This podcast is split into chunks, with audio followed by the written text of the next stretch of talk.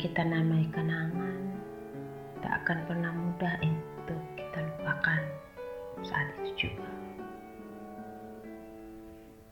Selalu ada kemungkinan dan kebetulan yang datang untuk memanggil sesuatu yang kita namai kenangan itu.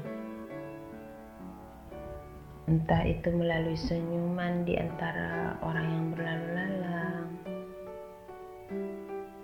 reklame di jalan raya ibu kota, kedai-kedai kopi, perpustakaan, bangunan-bangunan masjid, rumah sakit, dan berbagai macam hal yang kita temui. Ingatan itu bisa datang di mana pun dan kapan pun. Seperti saat kau ke toko buku, membeli buku dan buku yang kau beli itu direkomendasikan oleh seseorang atau saat kau berkunjung pada sudut sebuah kedai kopi dan menyeruput secangkir kopi di sana. Mungkin kau akan menemukan namanya berada dalam daftar volunteer yang akan kau ikuti juga.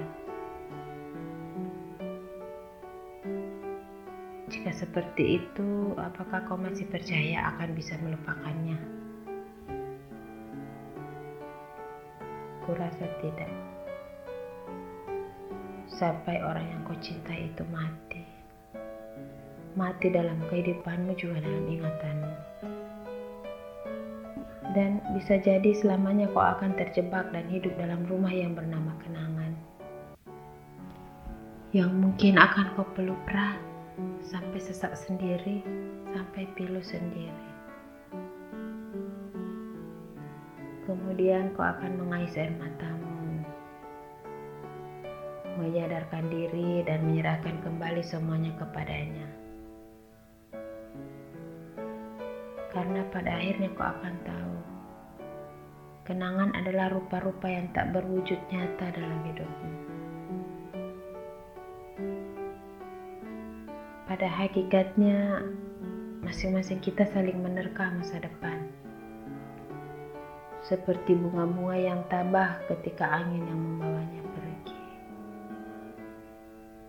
Selamat mengenang, wahai diri, ada kadarnya masa itu kau sudahi.